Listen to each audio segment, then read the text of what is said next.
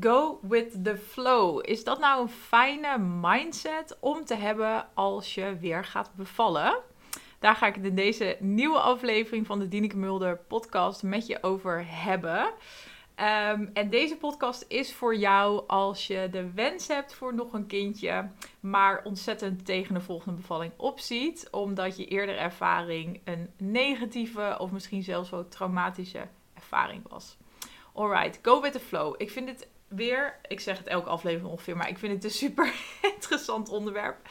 Um, want wat ik vooral een beetje hoor, is dat er twee verschillende dingen over uh, worden gezegd.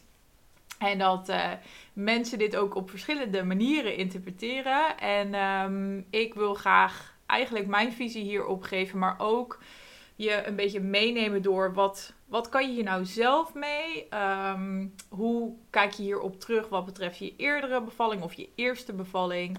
En is dit nou iets wat je kan meenemen weer naar je volgende bevalling? Um, want wat mij betreft zitten er, laat ik het zo zeggen, voor- en nadelen aan. Maar het gaat er ook heel erg om hoe je hem gebruikt. Dus de mindset, go with the flow. Alright. Um, als eerste, voordat ik ging bevallen, zeiden heel veel mensen tegen mij: Een bevalling kan je niet plannen. Je weet toch niet wat er gaat gebeuren. Je weet toch niet hoe het verloopt. Dus uh, je moet het gewoon loslaten. Er werd tegen mij gezegd: Het heeft niet zoveel zin om een bevalplan te schrijven. Want wat als alles anders loopt en je kan het niet plannen. En als je iets plant, dan raak je alleen maar teleurgesteld. Uh, dus dat heeft geen zin. Um, je kan het beste de controle loslaten. Je kan het dus het beste go with the flow. Gewoon met de flow meegaan wat er gebeurt. Um, laat het los. dat soort dingen werden tegen mij gezegd. Um, en misschien herken je dat wel. Dus dat werd door mijn omgeving gezegd, maar ook wel door, uh, door de verloskundige bijvoorbeeld. ik weet nog dat ik uh, ik ben drie jaar geleden bevallen. Ik weet dat inmiddels dat het wel wat normaler is volgens mij om bijvoorbeeld een geboorteplan te maken. Of uh, volgens mij noemen mensen het ook wel eens geboortewensen. of geboortebehoeftes. Um, en ik had destijds, ik weet nog dat ik uh, wel dacht van, oh ja, ik moet zo'n geboorteplan maken. En ik had echt één A4'tje. How little did I know. Ik had echt één A4'tje gemaakt. En nou, dan ging ik dan het gesprek aan met mijn verloskundige. En ik weet nog zo goed dat ik daarna echt dacht van, hè, is, was dit het nou? We hadden echt een 10 minuten gesprekje, gewoon weer zo'n check. En ze vroeg, nou, uh, nou is dit je geboorteplan? Oké. En uh, verder niks. Dus daar werd ook niet heel veel um, aandacht aan uh, gegeven. dus dat vond ik toen, dat, dat viel me op. Maar verder heb ik daar niet echt iets mee gedaan, zeg maar, voor mijn bevalling. En wat me dus heel erg opviel, is wat mijn omgeving allemaal hierover zei. En destijds luisterde ik daar ook best wel naar. Want um, ik vond het toen, hoe ik toen in het leven stond, vrij belangrijk. Wat andere mensen vonden, wat hun mening was. En um, daar luisterde ik eigenlijk achteraf gezien beter naar, naar wat ik voelde en wat ik wilde. Um, dus ik heb me daar ook best wel, denk ik, door laten beïnvloeden. Doordat mensen dat tegen me zeiden. En Um, nou, ik denk ook daardoor niet echt heel erg met dat geboorteplan aan de slag gegaan. Ik dacht van joh, ik wist wel een paar dingen, namelijk dat ik heel graag thuis wilde bevallen. Um, maar voor de rest dacht ik van, nou ja, zij zullen, ze zullen wel gelijk hebben. Um, go with the flow, it is. dus dus toen, zo ging ik mijn bevalling in. Uh, dus dat is meer uit eigen ervaring. Maar wat ik ook merk, dus wat mensen nog steeds um, tegen je zeggen als je zwanger bent. En ook zorgverleners wel tegen je zeggen. En aan de andere kant zie ik hem ook nu ik zelf ben bevallen en, um, uh, en een traumatische ervaring heb gehad. Zie ik dus ook dat het uh, veel wordt gebruikt om um, een negatieve bevallingservaring of een, of een bevallingstrauma een soort van. Ja, om daar iets over te zeggen. Dus ik zie regelmatig dan dingen bijvoorbeeld op Instagram voorbij komen over dat je trauma zou kunnen voorkomen door um, als vrouw, door dus juist meer de controle los te laten. Dat uit onderzoek blijkt dat vrouwen met een ja, een niet flexibele mindset, dat die dus meer kans hebben om een trauma op te lopen. Want die zeggen van tevoren: ik wil uh, zonder pijnstilling, of uh, ik wil sowieso een rugprik, of Nou, die hebben dan van alles in hun hoofd. En als dat dan niet gebeurt, dan kan het alleen maar tegenvallen. En dan wordt het een traumatische ervaring. Dat is een beetje wat er wordt gezegd. En ehm, dat ehm, juist zeg maar aan die mindset werken. Dat het je kan helpen om dus de volgende keer een betere ervaring te hebben. Dus eigenlijk wat meer dus los te laten. Ehm, en wat meer dus mee te gaan in de flow van wat er dan ook gebeurt. En om, ik las vandaag ook een post, om wat meer te focussen op de, de hoe. Dus hoe dingen gebeuren en niet zozeer op de wat. Dus wat er gebeurt. Nou, die, die begrijp ik wel, want uh, ik zie ook, uh, inmiddels weet ik dat heel veel vrouwen die een negatieve of, of traumatische bevallingservaring hebben, dat het daarbij dat het traumatisch was. Niet zozeer omdat er dus een medische complicatie was of iets heel heftigs gebeurde. Die verhalen heb je ook. Maar het overgrote deel van de vrouwen zegt. Uh, het was traumatisch omdat ik me niet gezien en niet gehoord voelde. Omdat er niet met mij werd gecommuniceerd. Omdat ik me een nummertje voelde in, in plaats van een mens. Omdat ik me een omhulsel voelde van mijn baby. Het ging vooral over mijn baby. Nou ja, dat soort, um, uh, dat soort redenen noemen vrouwen vooral. Um, dus in die zin. Um, ik moet heel even mijn verhaal terugpakken, jongens. nou ja, in, in die zin begrijp ik die ook nog wel. Dus dat het, oh ja, dat was het. Dat het goed is om, om dus te focussen ook bij een volgende bevalling van hoe je dan dingen wil en niet op de wat. Maar in mijn ogen um, mist er best wel vaak context als we het hier over hebben. En missen we eigenlijk het grotere plaatje. Want wat er heel erg is veranderd in de afgelopen. Nou, het bizarre is dat de manier waarop wij nu bevallen, dat is niet iets wat we al duizenden jaren zo doen. De manier waarop wij nu vandaag de dag bevallen, veelal in het ziekenhuis, dat is iets wat is ingezet in de laatste, oh ik hoorde het gisteren in de podcast, volgens mij de laatste 60, 70 jaar. En dat is echt super kort als je erover nadenkt. Dus daarvoor bevielen we op een, ander, een heel andere manier. De ziekenhuisbevalling aan zich bestaat dus nog maar slechts tientallen jaren. En ook um, het feit dat we überhaupt bevallen binnen een zorgsysteem. Want ook als je thuis bevalt, beval je eigenlijk binnen een zorgsysteem. Want de meeste vrouwen hebben een eerste uh, bij hun bevalling, ook als ze thuis bevallen. Um, en als je in het ziekenhuis bevalt, ja, dan kom je eigenlijk een soort van nog dieper in dat zorgsysteem uh, terecht, als het ware. Um, maar vroeger bevielen we niet binnen zo'n systeem. En um, ik heb hier ontzettend veel over gelezen, puur uit eigen interesse, maar ook omdat ik heel graag wilde begrijpen van waarom destijds, waarom is mijn bevalling nou zo gelopen, zoals die is gelopen, waarom heb ik hem zo ervaren zoals ik hem heb ervaren. Ik was gewoon heel nieuwsgierig en ik wilde het gewoon begrijpen. Want ik begreep het niet. Ik begreep gewoon echt niet wat er was gebeurd eigenlijk. Waarom mijn bevalling zo was gelopen. En waarom ik me zo voelde. Dus ik ging op zoek naar antwoorden. Dus ik heb ontzettend veel gelezen. Echt, ik denk echt wel, nou, tientallen boeken. En um, heel veel podcasts ook geluisterd. En wat ik op een gegeven moment, waar ik achter kwam, wat ik, uh, wat ik me niet echt realiseerde is dus de manier waarop we vandaag de dag bevallen heel anders is dan de manier waarop we duizenden jaren geleden bevielen. Hoe we namelijk bevielen in de tijd van de jagers en verzamelaars. En uh, ook dat herhaal ik vaker aan in deze podcast. dus, sorry als je helemaal klaar bent met jagers en verzamelaars. Maar ik vind het altijd heel interessant om het zo te vergelijken. Omdat we soms zo gefocust zijn op hoe het nu in deze tijd gaat en een beetje vergeten um, hoe het vroeger ging. En daar kan je gewoon best wel veel waarde uit halen. En niet als in dat vroeger alles beter was. Want er zijn ook zeker, denk ik, dingen in deze tijd verbeterd. Maar ik denk ook dat sommige dingen uh, er niet heel veel beter op zijn geworden ten opzichte van vroeger. Alright, hoe we vroeger bevielen, dus in de tijd van de jagers en verzamelaars, is dat uh, we leefden dus in communities, dus een soort van klein dorpje eigenlijk. En uh, we leven echt met uh, onze familie en andere gezinnen samen. En hoe we bevielen is dat we met, vooral met andere vrouwen om ons heen bevielen. Dus dat, dat kunnen, kon zijn vrouwen um, die in, jouw familie zaten. Dus bijvoorbeeld je moeder, je zus, je nicht, je tante, whatever. Maar ook bijvoorbeeld de buurvrouw of een vriendin. Dus vrouwen die jij er graag bij wilde hebben, waarvan jij het idee had dat ze jou konden, konden steunen, zeg maar. Een fijn gevoel gaven, je konden steunen tijdens de bevalling, die waren erbij. En dan, als ik het goed begreep, was er op een later moment kwamen er ook dus steeds meer um, wijze, wat meer wijze vrouwen.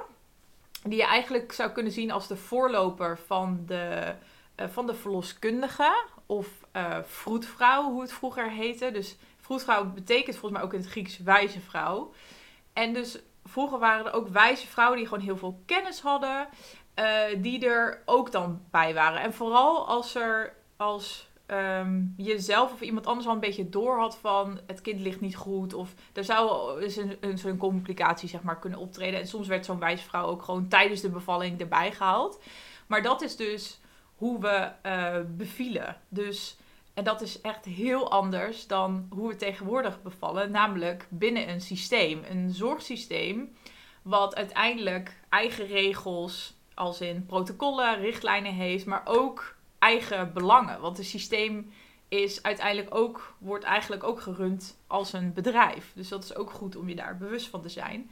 Dus de manier waarop we vandaag de dag bevallen is echt nou ja, niet te vergelijken met hoe we dus duizenden jaren geleden bevielen. Maar ook eigenlijk nog veel korter geleden. Is niet te vergelijken met hoe we 80, 90 jaar geleden um, bevielen. Dus dat is denk ik goed Ehm, om je te realiseren. Dus eigenlijk vroeger uh, bevielen we dus met vrouwen die we heel goed kenden, waar we een, heel goede band mee hadden. Dus, uh, dus dat is goed om je te bedenken. Versus nu, uh, waarin we veelal bevallen met zorgverleners en dan wel je partner, maar de vrouwen die erbij zijn, dat zijn zorgverleners die je misschien een paar keer tijdens je zwangerschap hebt gezien, maar waar je in principe totaal geen band mee opbouwt. Uitzonderingen daar gelaten, hè? want er zijn toch tegenwoordig ook de mogelijkheid om bijvoorbeeld met een caseload verloskundige te bevallen of een, of een doula erbij te hebben. Dus dat is wel weer een beetje aan het veranderen, maar het overgrote deel van de vrouwen bevalt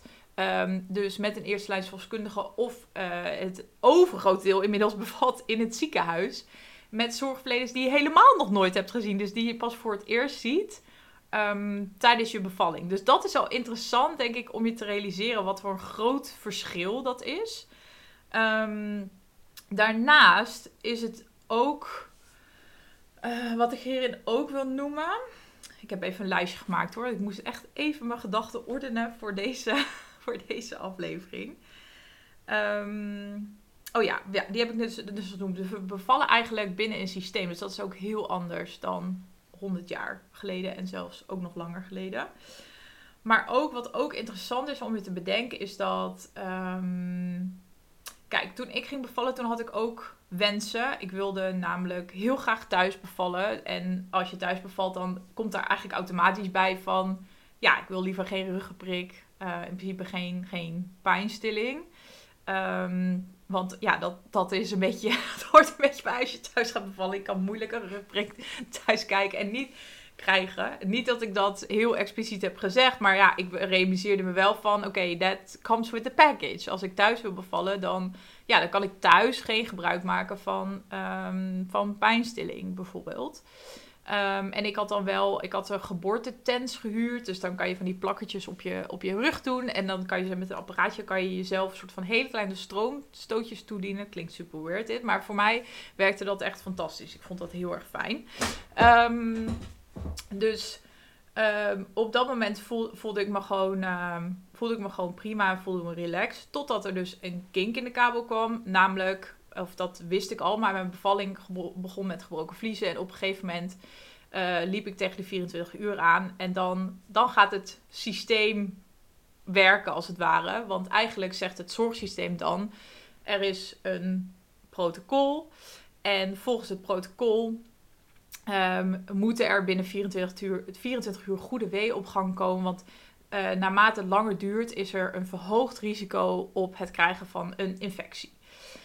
Um, dus dat is een heel mooi voorbeeld, denk ik, van hoe anders het is om te bevallen binnen een systeem. En, en het systeem bepaalt daarin dus ook de regels, als het ware. En een systeem kijkt dus niet naar. Het systeem kijkt in principe niet naar jouw individuele behoeftes. Een systeem kijkt niet naar hoe jij je op dat moment eh, voelt, wat, wat jij graag wil, ehm, wat jij ziet als een heel groot risico of misschien wel niet. Ik bedoel, wat de een, ja, de een vindt 0,4% kans op een infectie ehm, ontzettend hoog. En voor mij was dat heel erg laag. Ik wist dat alleen op dat, op dat moment niet, maar ik had nu als ik nu weer de beslissing had genomen, was ik absoluut gewoon thuis gebleven. En dat is helemaal oké. Dat is voor iedereen anders. Ehm, alleen, uh, ik wil daarmee meer illustreren dus hoe anders het is als je dus binnen een zorgsysteem uh, bevalt. Um, dus op dat moment nam het eigenlijk een soort van andere wending. En op dat moment zei mijn verloskundige, je wordt medisch. Ik wist toen niet dat ik daar keuzes in had, dus ik ging daarin mee. Dus je zou zeggen, go with the flow. En dat, dat deed ik ook. Ik, ik deed gewoon eigenlijk alles wat mij werd verteld. ik ging daar netjes in mee, ik ging netjes naar het ziekenhuis. Uh, maar ik raakte daar best wel van in de stress. Want eigenlijk was dat niet wat ik wilde diep van binnen. Ik wilde diep van binnen gewoon het liefst um, thuis blijven, thuis bevallen. Dus ik ging go with the flow, ik ging daar wel in mee.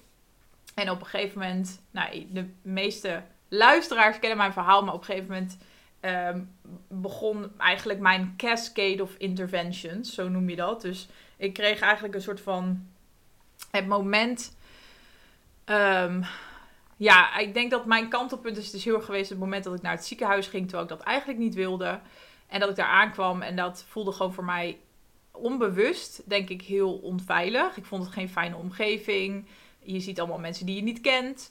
En um, dat heeft uiteindelijk weer effect op en letterlijk het verloop van je bevalling. Um, dus het interessante is wat er heel vaak gebeurt. En wat we ons niet beseffen, en dat wist ik destijds ook niet pas toen ik mijn eigen onderzoek ging doen. Pas toen ik zelf antwoorden ging probeerde te vinden. Toen kwam ik erachter dat heel vaak de omgeving waarin wij bevallen. Met omgeving bedoel ik, nou ja, alles wat je zintuigen kunnen oppakken. Dus hoe, hoe ziet de kamer eruit? Hoe ruikt de kamer? Wat, wat zie je? Wat hoor je?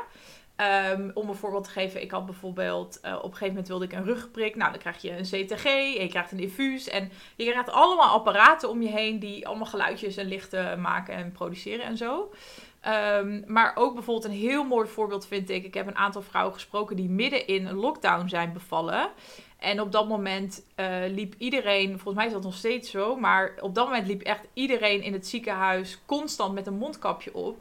En die vrouwen omschrijven dat alleen al door het niet kunnen zien van een gezichtsuitdrukking onder dat mondkapje, voelden zij zich heel erg onveilig.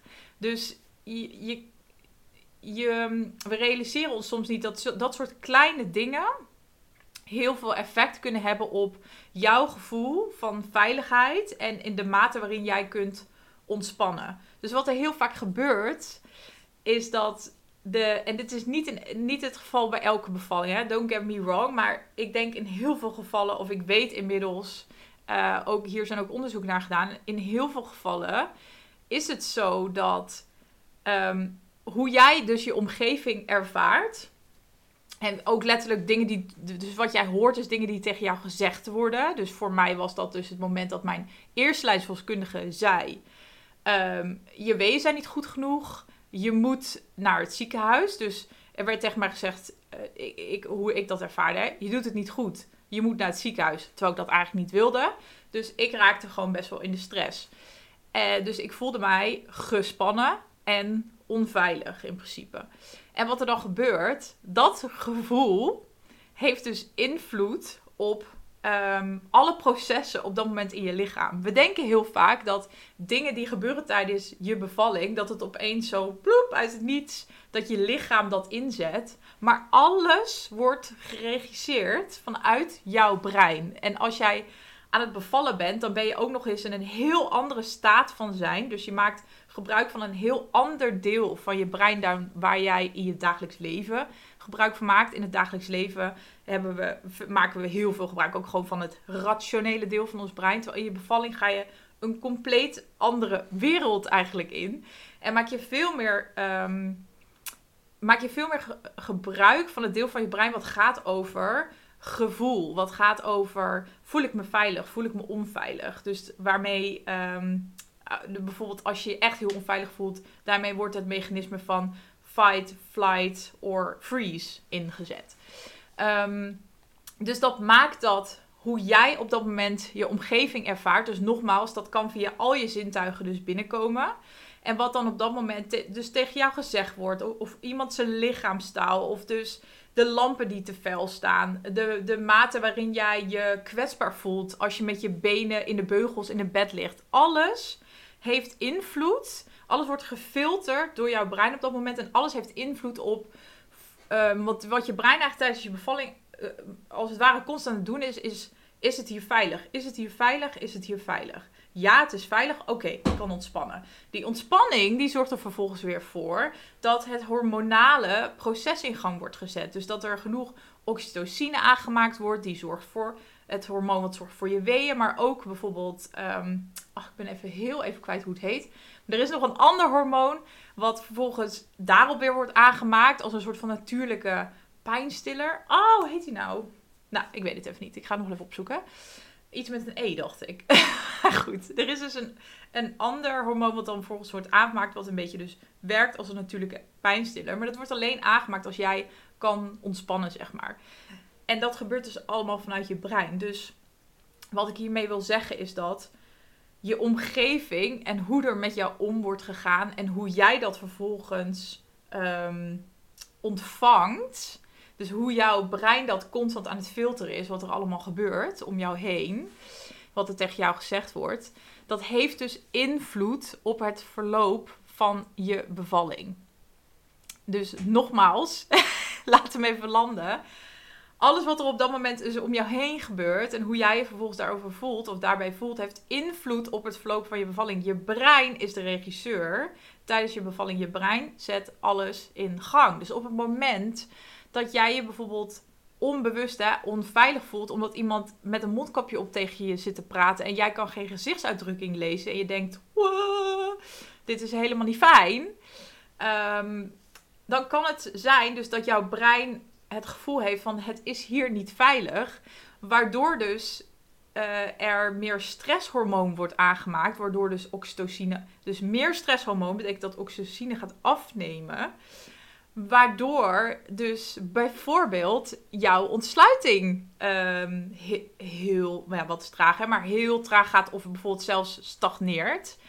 Um, dus het is goed, denk ik, om je dat te realiseren dat wat we heel vaak denken na een bevalling met heel veel interventie, en dat dacht ik ook. Ik dacht, nou, mijn lichaam heeft echt gefaald. Ik kan blijkbaar niet bevallen. Ik heb heel veel hulp nodig bij bevallen. En inmiddels denk ik echt, nee, het is echt compleet andersom. Eigenlijk heeft mijn lichaam, want ik had dus uh, niet vorderende ontsluiting. Dus er werden allerlei interventies gedaan om mijn ontsluiting een zetje te geven, als het ware. Want het ging niet volgens het boekje. Maar achteraf denk ik van, ja, motherfuckers. Eigenlijk betekent het dat mijn lichaam het fantastisch heeft gedaan. En die moet je ook heel even laten landen. Maar eigenlijk wat mijn lichaam deed, was gewoon een fantastische reactie op hoe ik mij op dat moment voelde in dat ziekenhuis. Ik voelde mij angstig, ik voelde me niet gezien, niet gehoord. Um, uh, ik voelde alsof het niet over mij ging, maar alleen maar om de baby er zo snel mogelijk uit te krijgen. Terwijl er eigenlijk geen. Er was niks met mij aan de hand. Er was geen medische noodzaak in principe. Dus wat, je, wat, het goed is, wat goed is om je te beseffen is dat um, het in, denk vrij vaak voorkomt dat de interventies uh, die gebruikt worden om een bepaald probleem op te lossen dat dat probleem heel vaak wordt veroorzaakt door de omgeving waar jij bevalt. Dus eigenlijk, um, ja, ik wil niet te activistisch klinken, maar eigenlijk wat je zou kunnen stellen. En als je hier meer over wil lezen, trouwens, wat echt een fantastisch boek is. Wat voor mij, het was een van de eerste boeken die ik las. En het was zo'n eye-opener, maar dat is um, Giving Birth Like a Feminist. Uh, van Millie Hill. Dus Giving Birth Like a Feminist van Millie Hill. Hier legt zij dit echt heel mooi uit. En dit is ook geen. Um, ik weet dat dit een vrij. Um, ja. Dat dit een vrij directe podcastaflevering aan het worden is. Maar dit is voor mij. Dit is niet een aanval op het systeem of een soort van rant. Ik vind het gewoon interessant om, om een andere visie te delen en om een context eromheen zeg maar, te delen. Om meer om bewustzijn te creëren. Dus niet om te zeggen het systeem is helemaal verkeerd en het is hartstikke fout. Ehm, ik probeer er gewoon wat. Ik, ja, ik probeer daar gewoon wat object, ook wat objectiever, gewoon neutraal naar te kijken, maar wel gewoon te zeggen hoe het is. En ik hoop dat je daar iets aan hebt. Ik heb daar heel veel aan gehad. Maar eigenlijk wat dus goed is om te weten is dat, nogmaals, ehm, als jij een bevalling hebt gehad met heel veel interventies, dan was dat waarschijnlijk omdat er op een punt een probleem was. Dat kan bijvoorbeeld ook zijn dat het probleem was, of het probleem wat werd geconstateerd is dat jij een inleiding nodig had omdat je over tijd liep. En niks ten nadele van de inleiding.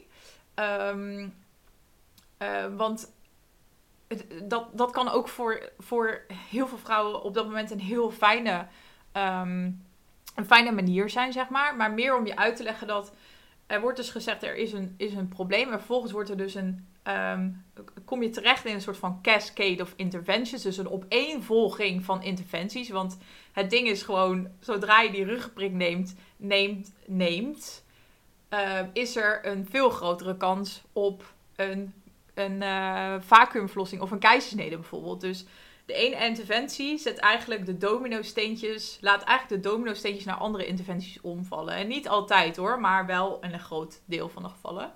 Dus heel vaak wordt er gezegd, er is een probleem.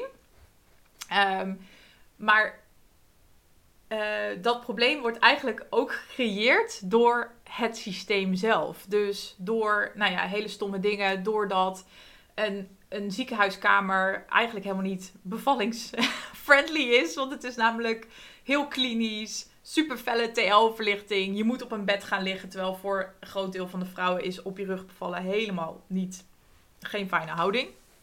Um, uh, maar ook het feit dat we uh, dus binnen systeem bevallen wat eigen protocollen en richtlijnen heeft. Dus om risico's zoveel mogelijk te minimaliseren. Maar juist doordat dat soort dingen gezegd worden, raken we vaak in de stress.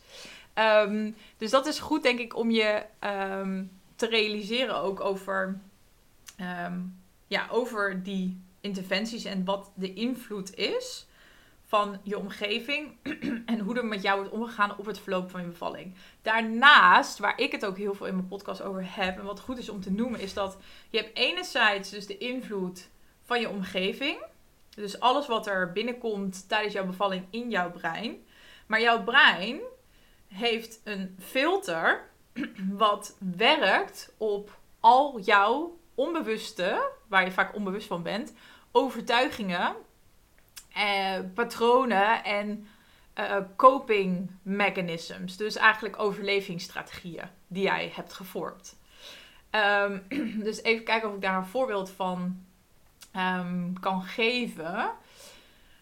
Um, stel, jij bent een ontzettende people pleaser. Dus jij vindt de behoeften van iemand anders belangrijker dan die van jouzelf. Of je zal sneller zoiets hebben van nou die ander die zal het wel beter weten dan ik zelf um, weet.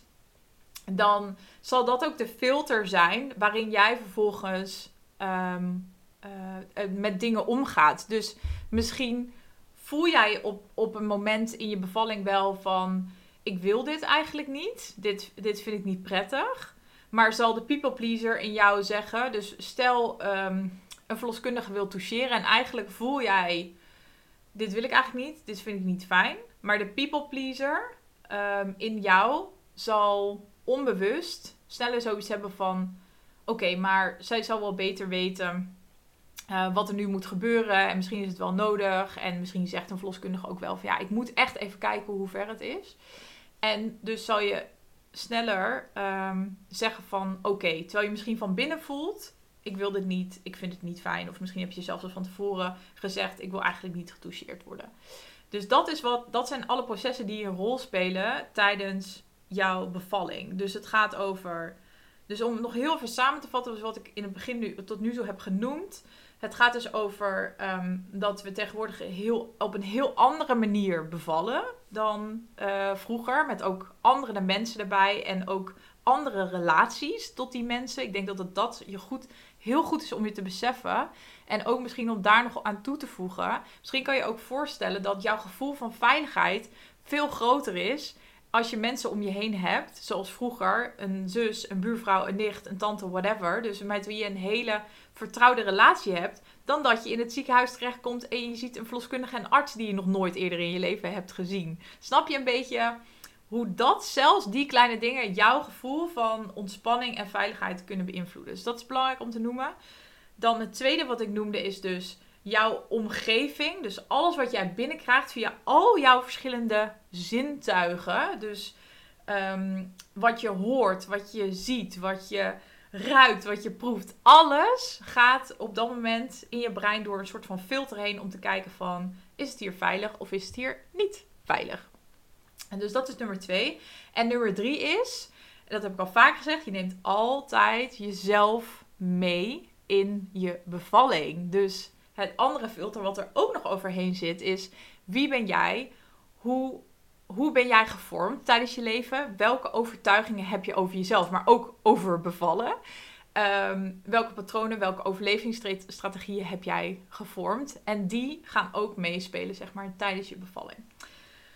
Dus dat is goed om even te noemen. Daarnaast, wat ik ook interessant vind, is dat ehm, in relatie tot bevallingstrauma en een volgende bevalling wordt er ook vaak gezegd: het is belangrijk om vrouwen realistische verwachtingen mee te geven. En dan wordt er heel vaak gebruik gemaakt van één uh, percentage. Dat gaat over het aantal vrouwen wat tijdens een, wat, um, uh, tijdens een eerste bevalling uiteindelijk in het ziekenhuis bevalt en dus niet thuis. En dat schijnt nu, ik las het in een post, op 92% te zitten. Dus 92% van de vrouwen bevalt uiteindelijk in het ziekenhuis. Of uiteindelijk dat, dat is dan een mix waarschijnlijk van vrouwen die ofwel al een medische indicatie hadden, ofwel zelf besloten hadden om dus polyklinisch in het ziekenhuis te bevallen. En dan heb je nog een groep vrouwen die heel graag thuis wilden bevallen, maar uiteindelijk toch ehm, in de tweede lijn, dus in het ziekenhuis, uh, bevielen. Dus ofwel omdat ze graag pijnstilling wilden, ofwel omdat er iets volgens protocol, dus in wat in mijn geval denk ik wel een goed voorbeeld is, waardoor je dan uh, medisch wordt. Um, maar wat ik dus daarin heel interessant vind, ook daarin is. Ehm, ik denk wat ik je wil meegeven is ook als je dit soort percentages ziet, zoek uit wat, wat is nou de context en klopt dat echt? Want het interessante is, eigenlijk door dat percentage zeggen we van oké, dus blijkbaar bij een eerste bevalling uh, bevalt het eigenlijk 92% in het ziekenhuis.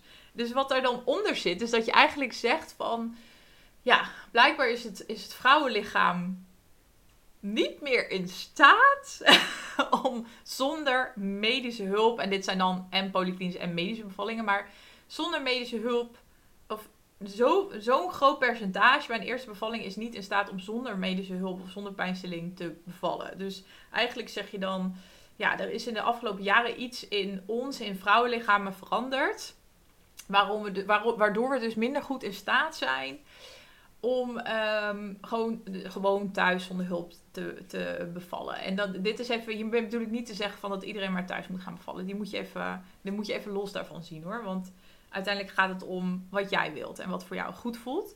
Maar ik vind dat, dat heel interessant qua wat, wat men al zegt. Je moet realistische verwachtingen hebben. Um, want het is namelijk zo dat um, dat percentage wordt natuurlijk ook heel erg gevormd door het systeem waar we in bevallen. Dus ook als ik kijk naar mijn eigen ervaring. Ik wilde heel graag thuis bevallen, maar ik dacht dat ik geen keuze had. En als ik nu met de kennis van nu precies weer in die situatie had gezeten, dan was ik veel langer thuis gebleven. En dan was de kans groot, ook veel groter geweest, dat ik uiteindelijk thuis was uh, bevallen. Ehm, dus wat je ook in dat percentage moet zien, is ook dus de reden waarom er zoveel vrouwen uiteindelijk in het ziekenhuis bevallen. En een van die redenen is omdat we te maken hebben met protocollen en richtlijnen die zoveel mogelijk risico's proberen te vermijden. Dus er zal heel snel aan jou, soort van, uiteindelijk is het advies, geadviseerd worden van het is uh, denk ik beter dat je nu naar het ziekenhuis gaat. En uiteindelijk is het dan aan jou om daar een keuze in te maken. Maar dat is goed om, om je te beseffen.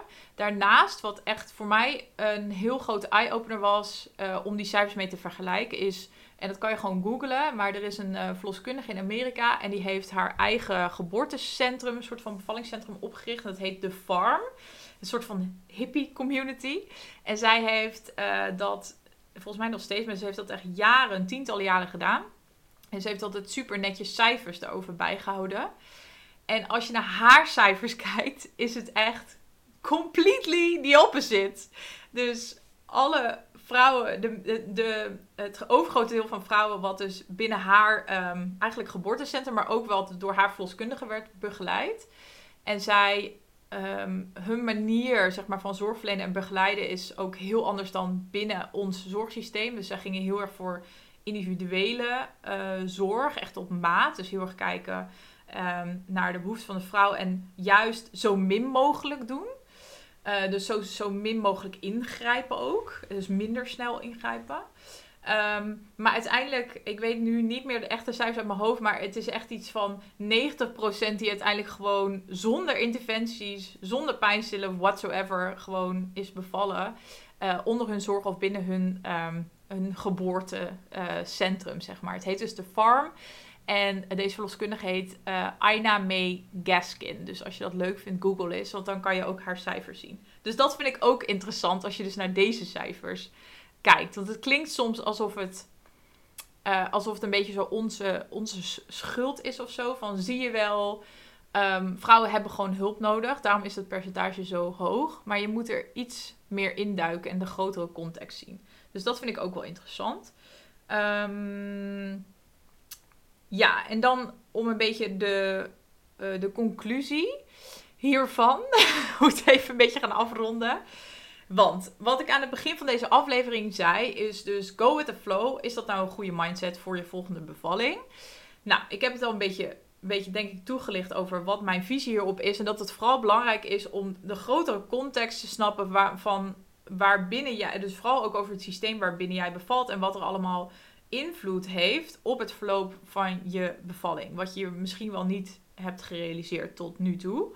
En ik denk dat go with the flow een hele mooie mindset is. Maar ik zou heel kritisch gaan nadenken over wiens flow dan precies. Want ehm, als ik kijk naar mijn bevalling, ik ging wel go with the flow, maar ik ging met, mee met de flow van uh, het systeem, zeg maar, waarbinnen ik uh, beviel. Dus um, daarin werd eigenlijk bepaald wat, wat dan op dat moment het beste voor mij was. Terwijl ik achteraf denk, ja, ik weet niet of dat wel het beste voor mij was. Het is niet dat ik denk, het is echt, ik heb totaal niet het gevoel van, oh, ik heb gefaald.